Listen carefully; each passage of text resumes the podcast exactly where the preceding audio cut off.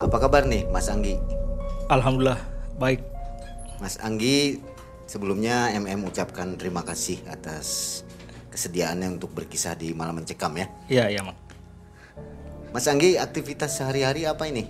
Eh, untuk saat ini sih ya mediatoran sih. Mediator tentang Eh, jual beli tanah atau rumah gitu. oh, broker gitu Iya. atau konsultan. Eh, brokernya sih lebih ke ininya. Luar biasa ya. Nah, Mas Anggi, kali ini Mas Anggi akan berkisah kepada sobat Malam Mencekam tentang dunia pesugihan ya. Iya betul. Jadi Mas Anggi katanya pernah melakukan pesugihan apa itu tadi namanya? Eh, pesugihan itu ritual gadung wulung ditukar dengan uang goib. Nah, gadung wulung ditukar dengan uang goib. Hmm. Bagaimana kisahnya nanti coba kita dengarkan ya sampai akhir jadi jangan skip videonya. Iya. Sobat MM, pesugihan yang membuat katanya akan menjadi bahagia ternyata justru sebaliknya ya. Iya malah menjadi petaka. Ya, menjadikan petaka. Bagaimana kisah ini? Simak sampai akhir video ini. Malam mencekam, semakin malam semakin mencekam. Kita hadirkan Mas Anggi, silakan.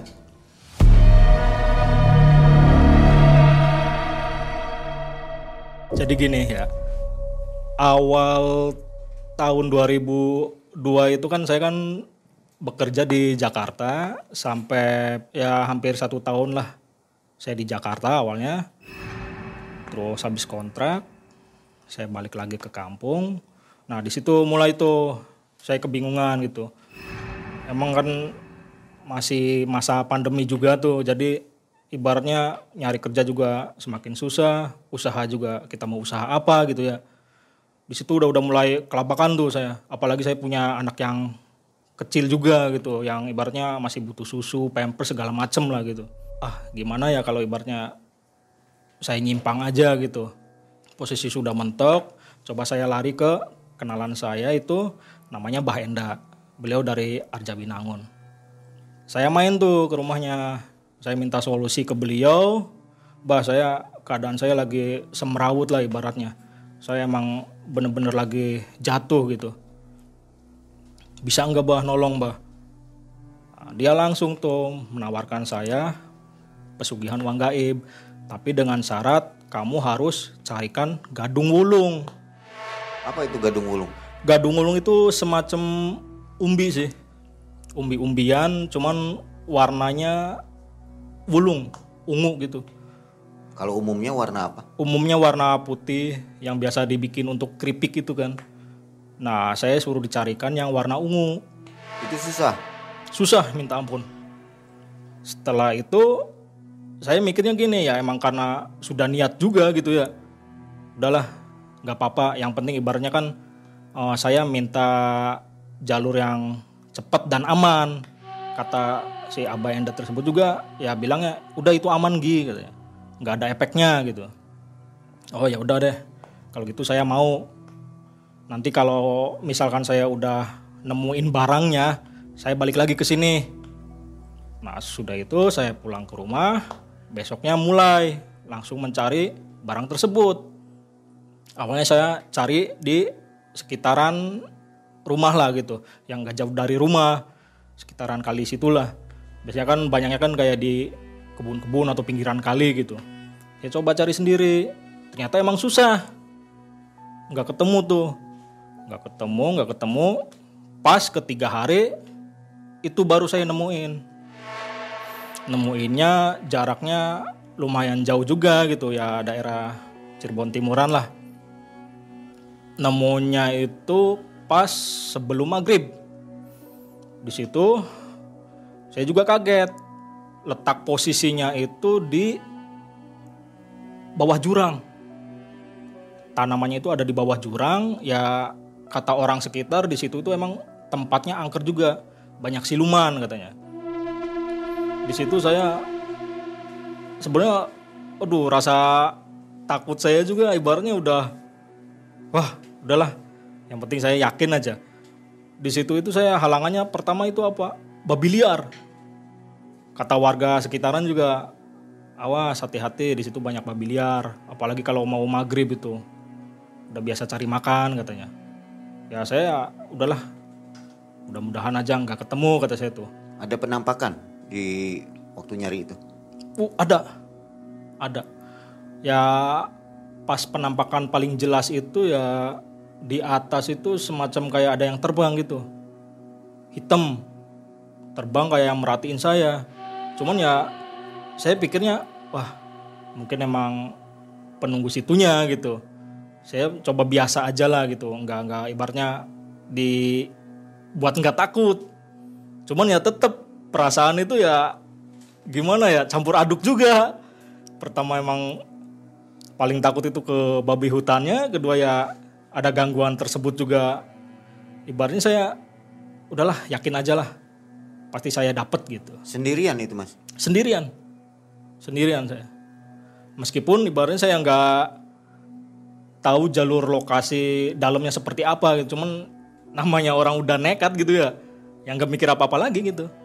Yang penting saya harus dapat gadungnya. Nggak ada warga ya di wilayah itu. Nggak ada, nggak Jadi ada, nggak ada yang curiga gitu. nggak ada. Emang posisinya hutan sih. Saya beranikan ambil juga di situ.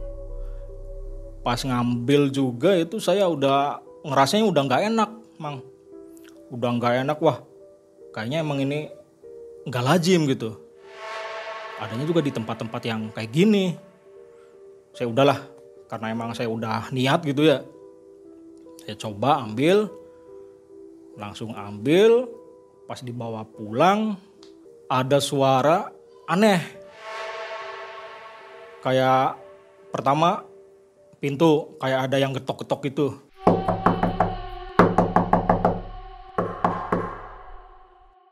Cuman yang ngedengernya itu saya pribadi. Orang tua sama istri nggak kedenger Di mana di rumah? di rumah. Setelah bawa gadung itu. Iya, setelah saya bawa pulang tuh. Nah, pas gitu anak saya yang paling kecil nangis tuh di situ. Kejer nangis. Saya udah udah paham, wah mungkin ini efek dari barang tersebut. Ya udah, saya tuh bacain ya sebisa saya ke anak saya gitu untuk didoain gitu maksudnya ya jangan ganggu lah ini urusan saya pribadi kan gitu jangan sangkut pautin sama yang lain gitu Nah pas di situ alhamdulillah anak saya langsung diem. Cuman yang lebih heran lagi itu besoknya anak saya langsung kejang. Padahal kondisi sehat, nggak sakit nggak apa, terus nggak punya riwayat penyakit lain-lain lah gitu.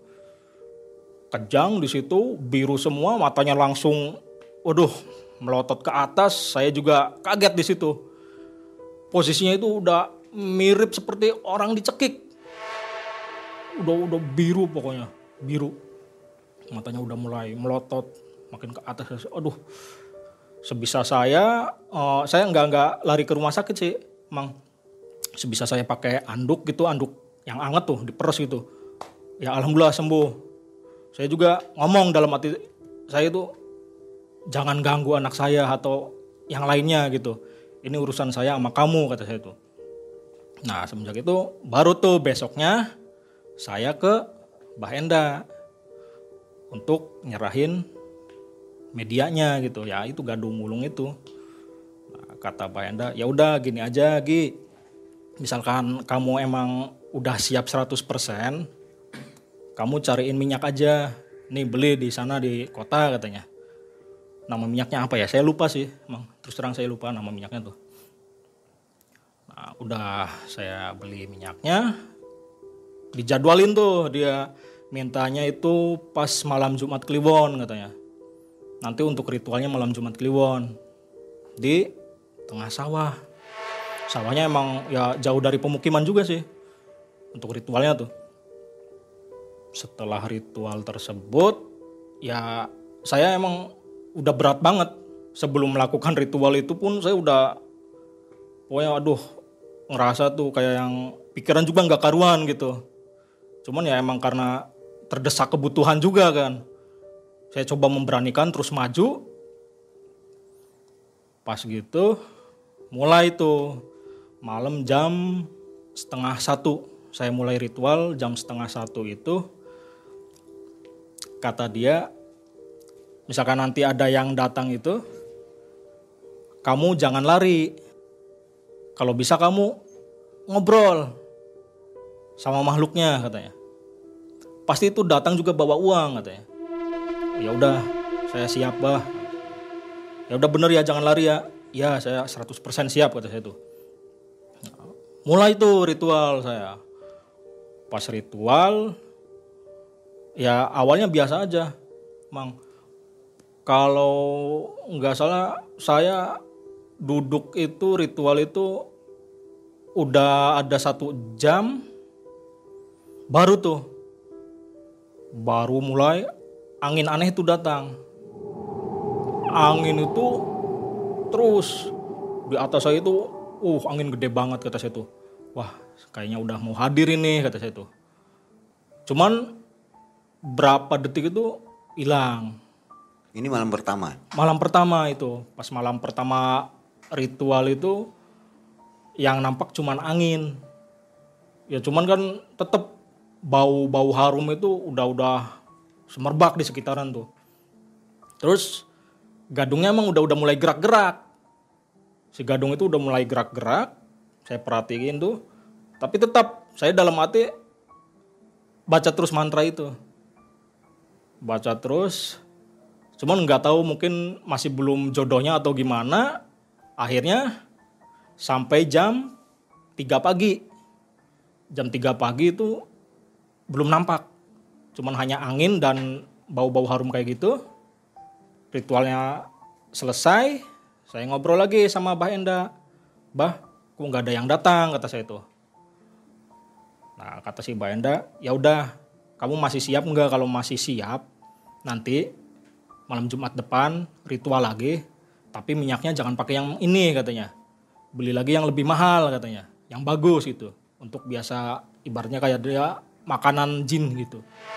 Ya udah kalau saya sih ya siap aja gitu nggak berselang lama itu pas ritual malam per, apa pas malam pertama itu nggak ada efek sih.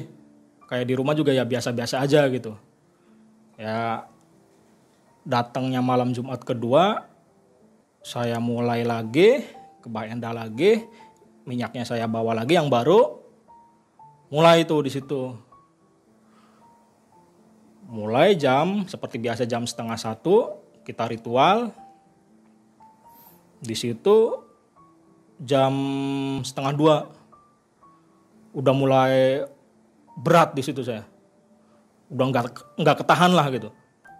Udah mulai berat angin datang lagi. Yang kayak semacam ritual yang awal itu mang. Angin gede banget datang di atas saya. Nah di situ saya kaget gadung tersebut mengeluarkan asap. Pas mengeluarkan asap saya diam ini asap apa kata saya tuh. Masya allah kata saya tuh. Langsung tuh di situ buar. Melotot ke saya sosoknya itu tinggi matanya merah. Cuman emang iya dia nggak pakai baju sih cuman kayak pakai celana aja segini pendek tuh. Ya serem tinggi besar serem pokoknya. Dia bilang ke saya kamu mau apa manggil saya? katanya. Saya nggak bisa jawab di situ. Emang apa ya ibaratnya kan ini pengalaman pertama gitu. Saya gemeter di situ. Ya saya cuman ibaratnya mau ngasih ini gadung. Saya minta uang kata saya tuh. Karena saya sudah mendapatkan gadung. Nah di situ mulai tuh si sosok tersebut ngeluarin uangnya itu tiba-tiba ada di depan mata lah gitu.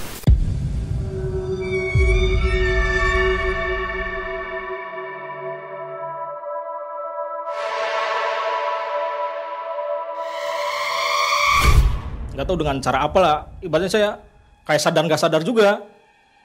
Nah di situ dia udah mulai nampakin uangnya. Waduh kata saya banyak banget kata saya tuh. Saya coba pegang tuh. Ih asli kata saya tuh. Nah si makhluk tersebut terus melotot ke saya. Kamu mau itu katanya. Silakan bawa katanya. Saya bingung ya. Ini nggak apa-apa ini bisa digunain kata saya tuh. Ya udah bawa katanya. Cuman saya minta anak yang segini. Waduh saya di situ mulai panik gitu. Maksudnya apa ya kan kata si abah itu kan ibarnya kemarin tuh aman dia nggak bakal minta tumbal atau apalah gitu. Di situ mulai kaget. Ya saya ketakutan juga sih mang. Di situ bener-bener aduh nggak bisa ngomong juga di situ tuh. Saya ngerasanya ini waduh udah nggak nggak bener lah gitu. Wah ini udah kacau ini kata saya tuh. Saya langsung kabur langsung ke rumahnya Mbah Enda saya ngomong ke Mbah Enda Bah kata saya tuh. Ini gimana ini? Tadi ada yang datang kata saya tuh. Cuman sosoknya kayak gini tinggi besar kayak gitu dia minta anak kecil kata saya tuh. Dia cuman si Abayanda tersebut itu nggak ibaratnya ya masih ngerasa meyakini yang datang itu sebenarnya enggak nggak minta itu katanya. Cuman ya mungkin kamunya aja yang salah persepsi katanya gitu. Cuman kalau saya mikirnya udah udah udah yakin ini tuh minta anak kecil gitu. Sebab memang kondisinya marah. Si makhluk tersebut udah udah benar-benar marah nah setelah itu saya pulang. Banyak kejadian aneh juga di rumah tuh. Kejadian anehnya ya itu. Pertama ya saya sempat sakit juga sih mang. Sempat sakit kalau nggak salah dua minggu saya sakit. Sakitnya itu ya udah berapa kali ke dokter cuman ya nggak ada penyakitnya gitu yang dirasa itu ya apa ya kepala gitu di sini tuh. Kayak yang aduh kayak berat banget. Ya kata orang bisa sih ya itu kayak kesambet. Cuman kan yang tahu kan saya gitu kan. Awalnya kan karena saya emang udah melakukan ritual gadung itu.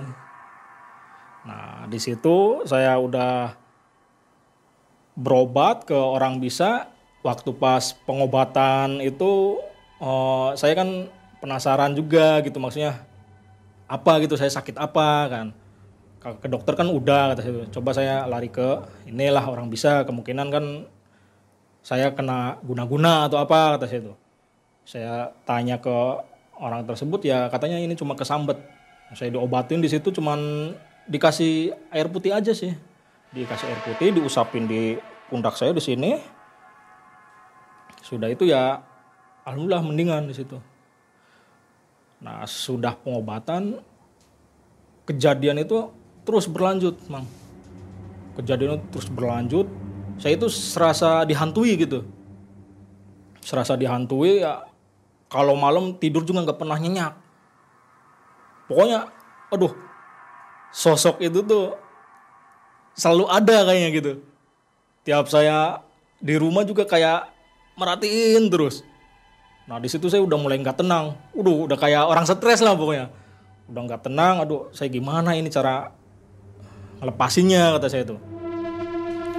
Saya muter-muter lagi cari kenalan gitu ya ke temen yang ibaratnya yang ngerti lah tentang masalah gadung tersebut gitu. Saya tanya sebenarnya ini gadung ini itu untuk apa kebanyakan kata saya itu nah temennya itu jawabnya sebenarnya gini Gi kalau ini kebanyakan emang untuk media santet katanya. Untuk pesugihan bisa, cuman tumbalnya ngeri katanya. Bisa satu keluarga. Waduh kata saya tuh. Saya awalnya emang nggak nggak dikasih tahu itu benar-benar ada tumbalnya itu. Yang Abah Enda bilang ke saya kan cuman udah kamu tinggal tuker dengan uang sekian kan gitu kan. Ternyata di situ ditukarlah dengan keluarga saya nantinya. Di situ saya mulai kaget. Terus gimana caranya? Kalau ibaratnya saya pengen hidup normal lagi lah gitu. Nggak mau diganggu lagi ya udah kalau misalkan pengen kayak gitu coba kamu mandi. Suruh mandi di daerah Cirebon Timur sana. Ada pancuran gitulah. Saya mandi di situ. Ternyata emang nggak ngepek juga mang. Tetap si makhluk itu kayak ngintai terus. Dengan matanya yang melotot itu aduh. Ya saya kayak bener kayak orang gila pokoknya. Jadi kayak paranoid gitu takut bawahnya takut terus. Nah alhamdulillah saya ketemu tuh temen yang ibaratnya dia bisa juga lah gitu. Saya ngobrol sama dia. Kemarin itu saya udah ngelakuin ritual kata saya tuh dengan media ini. Apa kamu tahu nggak ini barangnya? Nah, saya tunjukin tuh si gadungnya. Pas saya tunjukin dia kaget mang. Dia langsung kerasukan tuh pas saya buka si gadungnya itu dia langsung kerasukan. Langsung kerasukan dengan nada tegas itu ya itu. Yang si makhluk tinggi besar itu masuk ke teman saya itu. Ngomong apa itu? Dia. ngomong ngomong ke saya gini kamu ngapain undang saya lagi ke sini? Kamu mau apa lagi? Kalau misalkan kamu pengen kaya ini saya kasih. Kamu pengen nyantet orang saya sanggup cuman saya minta anak kecil segini katanya nah di situ saya udah mulai takut ya untungnya teman saya ya bisa lah gitu ya Nah, dia di situ langsung ibaratnya ngeluarin juga itu si makhluknya di dalam tubuhnya tuh. Nah, dia langsung bilang ke saya, "Waduh, ini bahaya, Gi. Kamu jangan mainin kayak gini, kayak jangan mainan kayak gini," katanya. Ini aduh, negatif banget ini katanya. Auranya juga sangat gila katanya. Ini bisa berbahaya, efeknya juga bisa ke keluarga kamu katanya. Nah, di situ saya udah mulai takut lah gitu. Waduh, gimana terus gimana solusinya kata saya tuh ya udah coba kamu buang katanya coba kamu buang kalau enggak ditanam ditanam di tempat yang aman katanya saya mikir ya tempat yang aman di mana kata saya itu yang saya ngeri kan ya namanya orang pasti ya ada juga sih yang ngerti gitu. Takutnya saya tanam itu tumbuh diambil sama orang lagi disalahgunain kan repot juga kan nantinya. Ngeri lah gitu. Cuman ini udah bahaya Gi. Maksudnya ini si makhluknya emang udah udah marah banget. Dia terombang-ambing. Ini saya mau dijadiin apa katanya. Kenapa saya cuma dibungkus aja katanya. Itu kan emang posisi si gadung itu saya bungkus sama kain hitam itu. Ibaratnya keluar itu ya ngerasuk gitu. Langsung ya dia itu pengen menyampaikan cuman belum ada yang pas mungkin kemarin-kemarin belum ada yang sanggup mungkin nah teman saya yang terakhir itu kuat dia nah dia ngasih tahu ke saya ya itu saya ngerasa terombang-ambing ini kamu ngambil saya katanya cuman saya untuk apa katanya saya udah siap ini. Sok kamu maunya apa? Cuman ya itu saya minta anak yang segini anak kecil katanya. Di situ udah udah mulai ya udahlah. Mungkinan dibuang aja kata saya tuh. Saya juga ibaratnya pengen tenang kan gitu ya emang di situ saya udah mulai berpikir. Cuman entah kenapa itu berat untuk buang barang itu nggak tahu berat pokoknya berat. Jadi saya mau buang itu. Cuman ngerasa tuh jangan dibuang jangan dibuang. Nggak mau gitu. Untuk membuang itu tuh nggak mau. Pokoknya jangan dibuang. Ya mungkin godaan atau apa sih lah nggak nggak ngerti juga gitu. Nah barangnya itu kan saya selalu taruh di jok motor tuh. Pokoknya setiap malam itu pasti gerak itu si barang tersebut di dalam jok motor itu berisik. Berisiknya minta ampun. Saya aja ibaratnya yang paham dengan barangnya sampai merinding. Asli takut itu. Kalau pas sudah jam satu aja pokoknya uh gedebuk gedebuk gedebuk gedebuk. Di dalam motor itu mang. Ya awalnya sih saya pertama dengar suara itu kaget disangka tuh sumbernya dari mana gitu. Oh ternyata dari dalam jok motor. Pas dari situ ya apa ibaratnya aduh ngeri lah kalau misalkan ini saya taruhnya di tempat biasa gitu. Takutnya kan ngepek juga ke keluarga kan. Saya mending cari apa cari cara untuk ngamanin yang lain lah gitu. Taruhlah di dalam jok motor. Jadi kondisi motor saya itu kan ibaratnya udah doyok ya. Udah doyok itu ya mogok lah. Sering mogok gitu sering mogok terus kondisi mesinnya juga dalamnya hancur. Dalamnya hancur itu motor udah nggak bisa nanjak lah gitu. Kalau nanjak itu ngedennya minta ampun malah mungkin ibaratnya bisa mudun lagi gitu mang. Nah, semenjak saya sering naruh gadung di dalam jok motornya itu ya motor saya itu kayak motor normal aja.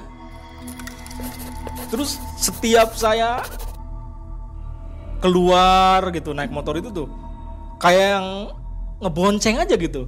Kayak ada orang di belakang tuh. Kayak ada yang ngikutin aja pokoknya. Sebenarnya ke mana pun saya pergi dengan motor itu pasti perasaan tuh di belakang tuh kayak ada yang ngikut gitu. Udah jelas itu. Pernah suatu kejadian juga saya balik jam satu malam. Jam satu malam saya pulang habis main di daerah kota lah. Di daerah kota saya pulang itu sempet ada gangguan juga tuh. Pas itu saya lewat jembatan ya jembatannya lumayan angker juga sih gelap ya. Udah jam satu malam lagi kan nggak ada orang lah. Di situ saya ada yang nimpuk mang. Ada yang nimpuk itu ya nggak tahu tuh apa itu sosoknya. Cuman pas kejadian itu ada lucunya juga pas nimpuk saya ngedumel. Anjir ketek siapa kian jadi gitu. Wah kayaknya ini jahil nih kata saya tuh di motor saya sambil ngedumel karena emang kaget gitu ya. Lagi sepi-sepinya gitu di tengah jembatan gitu ada yang nimpuk kan kaget kan. Saya pulang nyampe taruh motor saya tidur. Mati lampu. Saya tuh wah ini kenapa ini PLN kok mati lampu ya? kata saya tuh padahal jam segini kan biasanya kan jarang lah mati lampu jam segini tuh tengah malam kayak gini tuh. Mati lampu. Ternyata pas saya keluar rumah kok rumah yang lain nyala kata saya tuh. Rumah saya aja yang mati. Ternyata itunya ada yang jepretin. Emang itunya tuh apa saklarnya tuh saklar listriknya tuh. Wah saya udah udah mulai heran di situ. Saya langsung WA ke teman saya ini tadi saya habis kejadian gini gini gini gini lewat jembatan ini kata saya tuh tapi kenapa ini? Kayak ada yang ngikut kata saya tuh itu mungkin yang gadung bukan kata saya tuh ini kayaknya lain kata saya tuh coba teman saya terawang ternyata bener sosok lain itu. Yang ngajaknya ya itu sosok si gadung. Ngikutin ngikutin saya sampai rumah. Ya itu dengan jahilnya ya matiin saklar listrik itu. Pas di situ saya aduh bener-bener ini ibaratnya energinya itu sangat-sangat kuat. Sosok sosok yang ngikutin saya itu pokoknya kata teman saya itu perempuan. Ya pas saya masuk ke rumah juga emang kayak ada suara cekikan gitu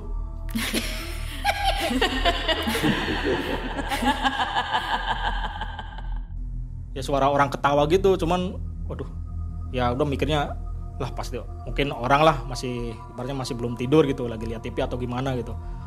Ya ternyata ya makhluk gaib itu. Nah pas di situ juga banyak juga ibaratnya kejadian-kejadian anehnya itu. Nah terakhirnya itu saya main ke temen mau ganti untuk bungkus si gadungnya. Teman saya itu kan ibaratnya rada bisa gitu ya mang ya. Coba deh bantu saya untuk ganti bungkusnya itu tuh.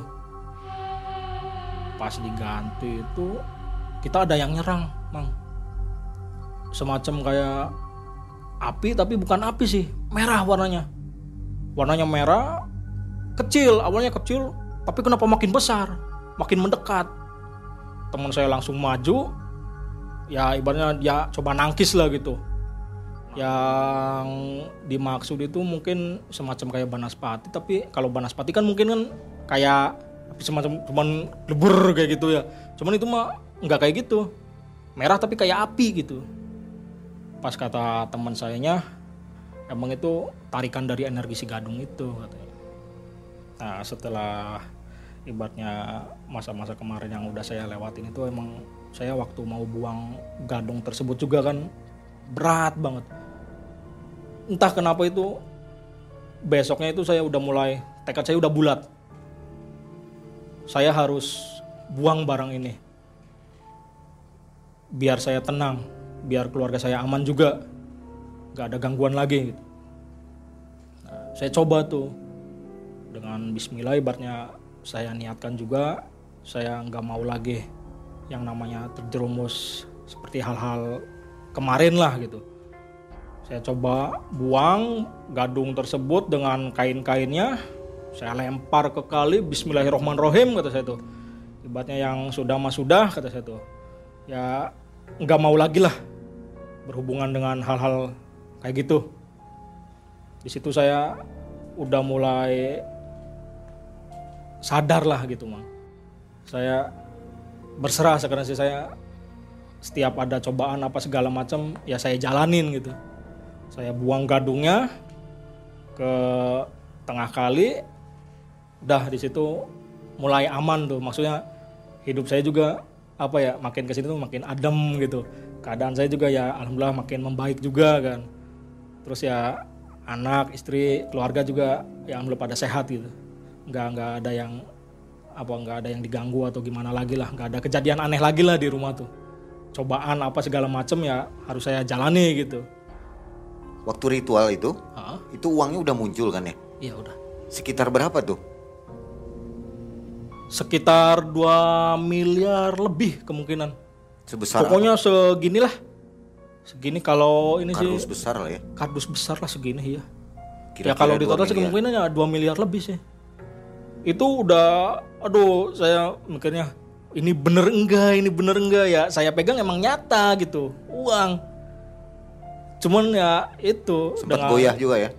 sempat goyah ya saya mikirnya gini ya udah ke mana-mana gitu waduh saya melihat uang banyak banget kayak gini kemungkinan ini rezeki saya gitu udah jodoh saya dan ternyata pas si makhluk tersebut itu dengan minta jaminan anak kecil yang segini ya udah akhirnya saya tinggal aja itu uangnya Artinya ritual ini mudah sebenarnya ya. sebenarnya mudah Kalau untuk ukuran orang nekat ya. Iya, sangat mudah.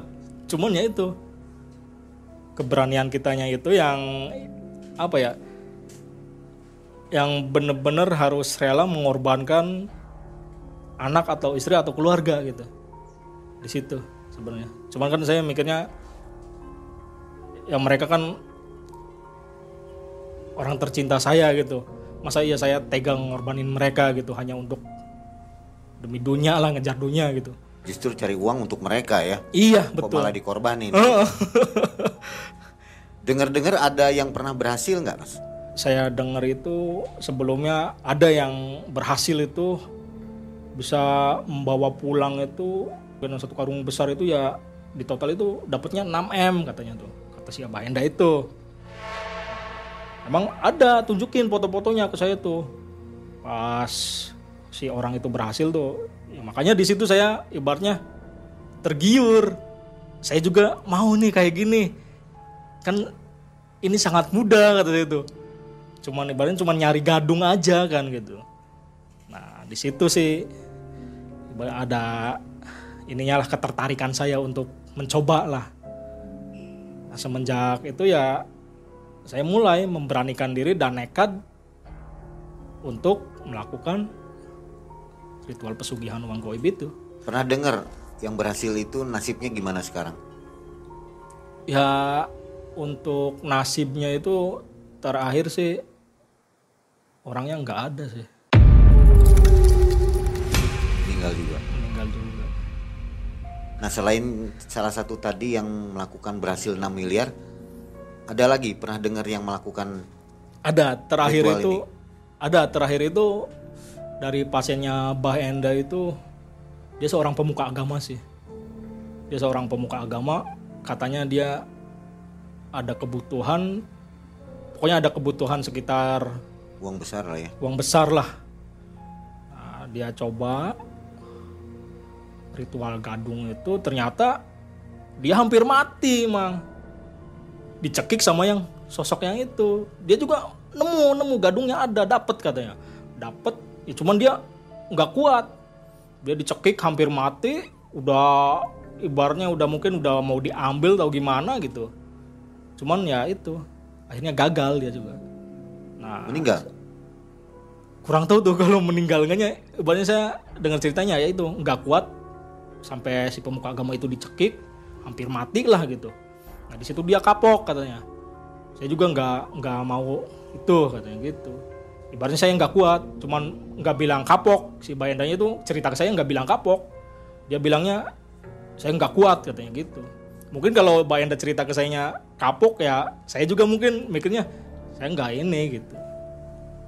Waktu awal kan Bayanda kan cuma bilangnya kamu jangan takut kalau sosok itu datang kan gitu.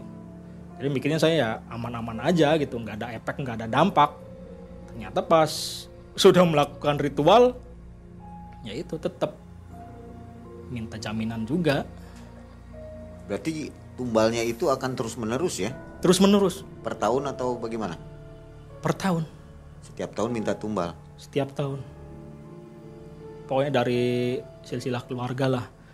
Yang awalnya sih ya minta anak kecil gitu ya Yang paling disayangi. Mm-mm. Ke depannya pasti ya berambat. gitu. Nyawa kita pun ibaratnya pasti dipinta Terakhirnya ya. terakhirnya itu. Gadung ini kan susah dicari nih. Mm-mm.